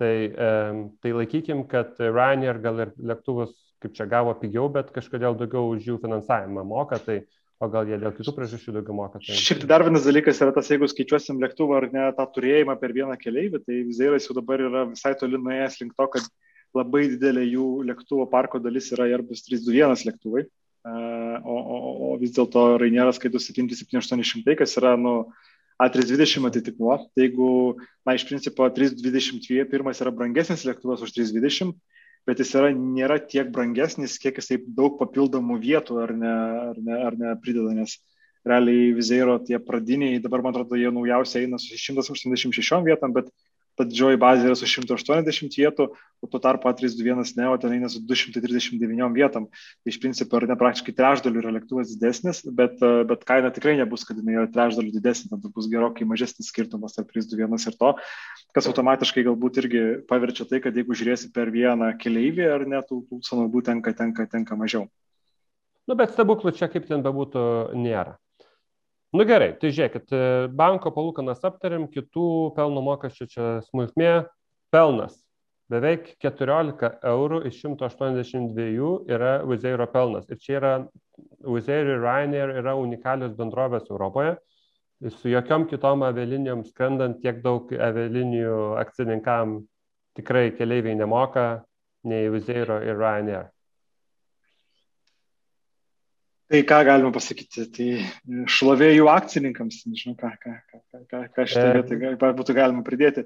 Bet aišku, turbūt čia iš žmogiškosios pusės taip vertinant, ar ne, kad jeigu kažkam pasakysi, kad nu, tai 14 eurų atrodo visai mažai, ta prasme, kiek vargo reikia padaryti, kiek reikia įdėti, nežinau, darbo, pastangų, marketingo, visko prieimo ir galų gal reikia nuskaidinti tą, tą, tą, tą keliaivį, nu ir vat, finale uždirbi 14 eurų atrodo, nu tai kas šitokio, tai mažai ar ne, bet tai turėjo turėk omeny, kad 99 e, pasaulio procentai aviakompanijai uždirba dar daug, dar daug mažiau, ar ne, ir, ir tai iš principo turbūt ar ne, iš dalies ar ne, ir paaiškina tos visokius komiškus atvejus, kaip ten, neprisimenu, kurie Amerikos aviakompanija iš, išmetė alyvogę iš, iš, iš salotų ar ne, ir ten sutaupė kažkiek tai, kažkiek tai tenais e, tų centų nuo kiekvieno, nuo kiekvieno keliaivio aptarnavimo bet tai nu, vis dėlto turbūt labai stipriai ir parodo, ant kiek tas nu, verslas yra, ta prasme, jautrus, ta prasme, padaryti klaidų, kurios uh, pabrangintų tavo sąnaudas 10 eurų per keleivį, nu, tai atrodo, kad čia nu, nieko tokio, ta prasme, nu, čia kažkas sugalvotų nemokamai alų pradėti pilsti ir žiūrėk, tas 10 eurų būsi, būsi jau išleidęs e, keleivio malonumui ir jeigu iš keleivio didesnio lojalumo negavai ir daugiau uh, pajamų negavai iš jo iš to, nu, tai iš principo realiai suvalgė visą savo pelną. Čia dar toks įdomus gal momentas yra visgi kaip tas pelnas e, per maršrutus išsidėlioja, nes čia dabar nu, viską mes su, su, sumetėm visą Vizeiro aviakompaniją ir išdalinom ant visų skrydžių vienodai realybei. E, kaip ten yra, kad skrydžiai, kurie yra jau daug metų vyksta, jie yra pakankamai pelningi ir jų maržos yra didesnės, bet e, didelė dalis to pelno yra ištaškoma naujų maršrutų paleidimui. Tai vat, jeigu dabar žiūrėtume, ką jie čia naujo Uzeiras iš Vilniaus bandė atidaryti šitais pandeminiais metais, tai kiek ten daug minuso yra daroma ir kiekvienas skrydis, kur mes mokam iš principo mažiau negu 182 eurus Vilnius Londonas, tai kažkas kitas sumoka arba tuo pačiu skrydžiu praskrisdamas, arba skrisdamas. Koks lietu, buvo kažkokia statistika, Lietu, Lietuvos laukostų pelningiausi maršrutai. Man atrodo, Televivas Vilnius buvo ir dar kažkokie. Kas, nepamenu, jo, ten turbūt fragmentuota labai informacija iš tam tikrų analitikų buvo galima pasirankinti. Jo, atsimenu, kad Tel Avivas tikrai buvo vienas iš tų, iš tų, iš tų pelningų, pelningų taškų, kur net nepaisant to, kad, kad reisas toksai labai, labai ilgas, uh, dabar nepamenu kitų, man atrodo, kažkur tenais trumpi, trumpi maršrutai kažkaip sugeneravo. Dar papildant tavo mintį, aš galvoju, nu, čia vienas dalykas yra investicijos į naujus maršrutus, nu, nes kai pradedi naują maršrutą, kurį laiką tu toleruoji, kad jis tai bus nuostolingas, aš dar pavadinčiau tą visą veiksmą ypatingai, ką tos ultra pigių skrydžių bendrovės daro, nu, labai dažnai turbūt jos turbūt ir masto labiau eksperimentų būdu jos per daug stipriai negalvoja, kaip tos maršrutus paleisti, kadangi joms paleisti naują maršrutą ar ne, nėra kažkokių papildomų pastovių sąnaudų, nu, jos ne, nesamdo darbuotojų santorinėje, kai dabar atidarys santorinį iš Vilniaus, nieko tenais, tenais nedaro. Tai nepaeis uždarys. Nu, tai iš principo čia galima pavadinti ir tam tikromis ne, sąnaudomis eksperimentams. O mažą, mažą ką galbūt kažkur užčiopsim kažkokį tai maršrutą, kurio dar niekas nepabandė ir tenai toje vietoje uždirbsim. Ir turbūt ar nereikia devynis maršrutus išmesti iš šiukšlių dėžę, kad, kad vienas iš jų kažkaip tai, kažkaip tai suveiktų. Na nu ir galiausiai reikia per kalėdų laikotarpį, per vasarą uždirbti tiek daug, kad likusius aštuonis mėnesius skraidinti šiek tiek nuostolingai. Tai toks jau modelis yra, kad Kalėdas, jo, čia turbūt ir... iš principo visoje Europoje aviakompanijų verslo modelis yra, čia daug kalba apie čarterinės aviakompanijas ir patinai CMI, kur, kur ypatingai tai išreikšta, bet netgi reguliarių skrydžio aviakompanijoms, apart kažkokioms tai labai vietinėms, regioninėms, kurios skraido šalių viduje, ten kokia nors vidarau turbūt tokio sezoniškumo neturi, bet nes flyby būdavo, kad ten vasaris yra jų topinis mėno, nes daugiausia skraido, skraido, skraido žmonių darbo reikalais. Tai 95 procentų aviakompanijų, kurios dirba Europoje, tai mm, e, verslas iš principo yra paremtas tom, uždirbk kuo daugiau vasarą ir pradirbk kuo mažiau žiemą. Prasme, ir kas, kas labiausiai balansą ant to suranda, tai, tai tie dalykai yra labai stipriai susiję. Nes kartais tam, kad norėt, galėtum uždirbti dar daugiau vasarą, tau reikia dar daugiau lėktuvų, dar daugiau įgulų, bet automatiškai ar ne, tie dar daugiau lėktuvų ir dar daugiau įgulų iš principo tau kainuos žiemą ir tu dar didesnį nuostolį patirsi negu, negu, negu uždirbai vasarą. Nu ką, einam į paskutinį gal. E, paskutinis e, keturi, keturios eilutės, bet iš, iš esmės tai vienas dalykas yra sudėjus e, lygiai 40 eurų, tai yra oro uosto mokesčiai keleiviams. Ir mes jau kažkaip iš tikrųjų esame atpratę, aš prisimenu, kai būdavo seni tie Baltic Clipperiuose tie tokie biletai, tokie popieriniai, tai ten rašydavo, kiek yra mokesčių keleiviam oro uoste apmokestinti, dabar jau neberodo. Bet va Vilnius, Liutonas Vilnius, 40 eurų yra tiesioginiai, kur yra keleivio aptarnaimo mokesčiai. Tai va įdomus kampas, kur, kurį aš kažkaip ne, ne, nepagalvodavau, e, kad Vilnius, Liutonas Vilnius negali bilietas kainuoti mažiau negu 40 ir jeigu kainuoja mažiau negu 40, tai aviakompanija tikisi, kad nusipirksi čimodaną, buterbrodą ar dar tokią nesąmonę ir atmuš šitos pinigus, nes jeigu ne, tai tada akcininkai ir kiti keleiviai labai sėkmingai prafinansuoja, pra, kaip Latvijai vadina, labdaryba vyksta. Čia UK, čia specifika labai UK ar ne tas dalykas, čia yra jų, jų yra. UK specif, specifika um, yra tokia, kad, um, tai gerai, 8 eurai yra Vilniaus oro uosto mokestis, 17 eurų yra uh, Liutono oro uosto mokestis ir dar 15 eurų yra uh, Didžiosios Britanijos uh, akcizas. Nu tai toks, vat. Apie nu, ir tas, tas, tas iš principo, pavadinai akcizu, man atrodo, jisai šifruojasi ir passenger duty kažkaip taip ar ne. Taip. Nu, tai taip. čia kažkada tai visada leiboristų vyriausybės. Duty, duty, muitas, nežinau kaip. Jo, toksai. E, visada čia, man atrodo, kai kairės pakripos vyriausybės tą mokestį keldavo, tai man atrodo, jungtiniai karalystės yra didžiausias bet vis daugiau Europos valstybių nusikopijuoja tą modelį ir ypatingai dabar su ekologinėm iniciatyvam, tai manau, kad ta tendencija vis labiau auks, kad ar ne kompanijos matys kaip papildomą pajamų šaltinį.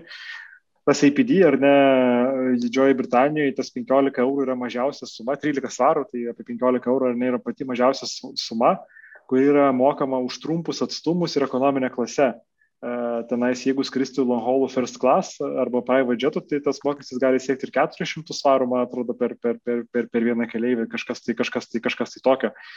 Ir visada aš atsimenu, ten kažkada tos mokesčius seniai koregavo, kad, kad aviakompanijos gudravo ir premium economy klase, ar ne, imdavo kaip už economy tą, tą, tą mokestį rinkdavo ir mokėdavo valstybei.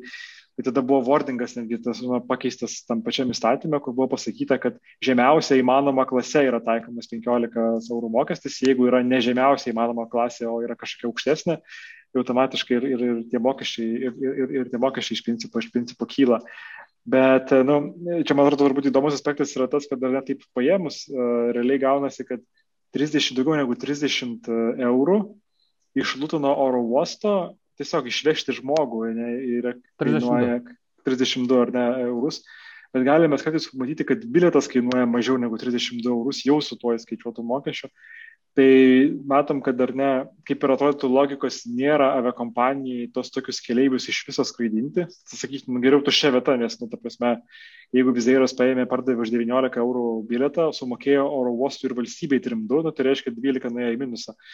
Bet čia turbūt du dalykai įsijungia. Vienas dalykas yra tas, kad aviakompanija net ne tik, kad tikisi, kad tu pirksi bagažą ir pirksi maistą ir, ir alų, bet jis žino, kad vidutiniškai didžioji, nu, vidutiniškai taip bus ar ne ir apsimoka tos keliaivius dėl to imti. Antra dalis yra tai, kad nu, pigus bilietai yra ir aviakompanijoms marketingas. Ir čia turbūt jeigu būtų pagrindas ir būtų noras tokių dalykų ieškoti, turbūt būtų, gali, būtų galėtų finansininkai pritemti, kad ar net tenais, pavyzdžiui, pigus bilietai ir ne, jos galėtum nurašyti marketingo sąnaudoms. Ta prasme, tai, kad tu pardavai bilietą ne už 180 eurų, o už 50 eurų, galėtum sakyti, kad 130 eurų yra iš principo tavo marketingo sąnaudos. Nu, nes tai, pavyzdžiui, nemažai dalis visokių dabartinių tų verslų, platforminių verslų arba software as a service verslų, nu, ta prasme, taip jie ir veikia, nu, jie iš principo e, tos naujus vartotojus realiai nusiperka, ten koks nors voltas ar negausi 6 eurus pirmam užsakymui. Tai akivaizdu, kad jie tos 6 eurus įsideda turbūt į savo, į savo, į savo, į savo, į savo marketingo sąnaudas nors, ta prasme, jie išleidė tus pinigus kaip ir maistų užsakyti ir jie sumoka ir vairuotojai, ir, ir, ir, ir, ir restoranai už tą maistą. Tačiau, tačiau ir ne nueina į tas marketingo sandus. Tai pritemti būtų galima, kad yra kompanijos iš principo, tai kad, na, jeigu tu perki bilietą už 20 eurų, tai nu, turi iš dalies galvoti, kad tu esi iš, iš principo dalyvauji tam tikrą prasme ir kompanijos marketingo kampanijai. Čia kaip būna verslo, anksčiau būdavo vakarienės, kad pasikvieti būtimą verslo partnerį, ten jį pavaldini, ten jį pa, paglostai ir nu, išleidi pinigų, bet tikėsi, kad po to tas kontraktas atmuš. E, dar įdomus momentas yra, kalbant apie šitus mokesčius, noriu, noriu paminėti, nekart yra, nes ir aš esu susidūręs, bet žinau, kad ir ten visokie teismai, jeigu, pavyzdžiui, nusipirki biletą ir neskrendi, Ir nepaisant to, kad aviakompanija sako, kad e, yra bilietas visiškai ten non-refundable, negražinamas ir panašiai, šitie 40 eurų visuomet yra gražinami. Vienintelis dalykas, kaip aviakompanijos e, bando apsistatyti, tai visokius administravimo mokesčius pritaiko.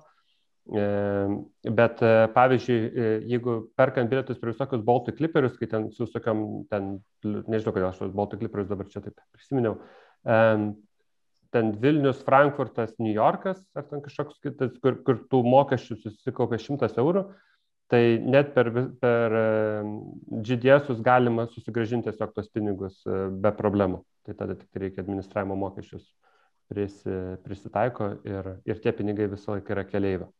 Yra netgi, yra netgi situacijų, kur tuos mokesčius reikia pačiam susimokėti. Aš žinau, kad Afrikai būna tokių, Indonezijai, man atrodo, tokių atvejų būna, kur tiesiog aviakompanija neadministruoja, pats susimoki ir...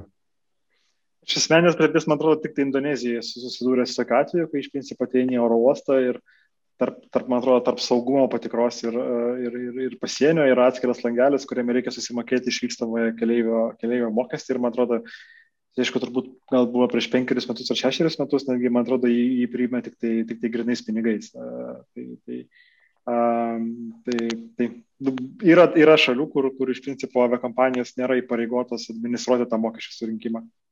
O kas esate? Gerai, bičiuliai. Esat matę dar pabaigai, koks būtų brangiausias uh, oro uostas, kokiam tekė, ypač gal Tomai, tu ten labiau su kaštais esi pri, pri, prisilietęs rankom? Nu, Liutonas nėra pigus, bet turbūt Heathrow tai tikrai yra brangesnis, čia mūsų netgi susiradęs. Na tai jeigu ten minti mažesnius, kur skrinda mažesni lėktuvai ir užsakomieji, tai aplink UK yra ten tokių visokių ir, ir Prancūzijoje jų yra, ir, ir Šveicarijoje. Tai eurų būna? Ja, ir daugiau, ir daugiau yra buvę. Uh, bet, bet čia užnai. Paskui ir kitos mhm. dalykos, tai visokie VIP aptarnavimai, terminalai ir panašiai įsivelia.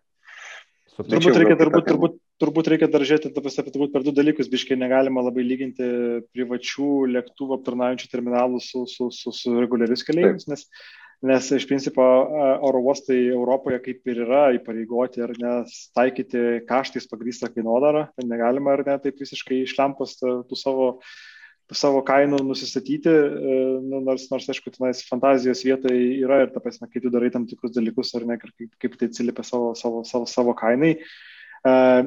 Jungtiniai karalystė, ar ne, iš principo yra brangus skaityti dėl to, kad būtent, kad yra taikomas tas APD mokestis, nors tie privatus oro uostai, berods dar Margaret Thatcher pradėjo oro uostus privatizuoti, jie iš savęs ar ne yra santykinai pigus lyginant su kitais, su kitom vakarų Europos valstybėm, bet iš principo susimokė užtat per tą mokestį. Tai e, po tarpu ar ne yra Europoje, Europoje iš tų tokių, vadinkim, taip normalių, nu, ta prasme, reguliarių oro uostų, kur kur išvykstančio keleivio mokestis tikrai viršė 30 eurų. Berots aš esu matęs 34, kažką tai tokio. Berots apie 30 yra Münchenė, 31 berots Šarlio de Gaulle oro uoste Paryžiuje. Amsterdame 29.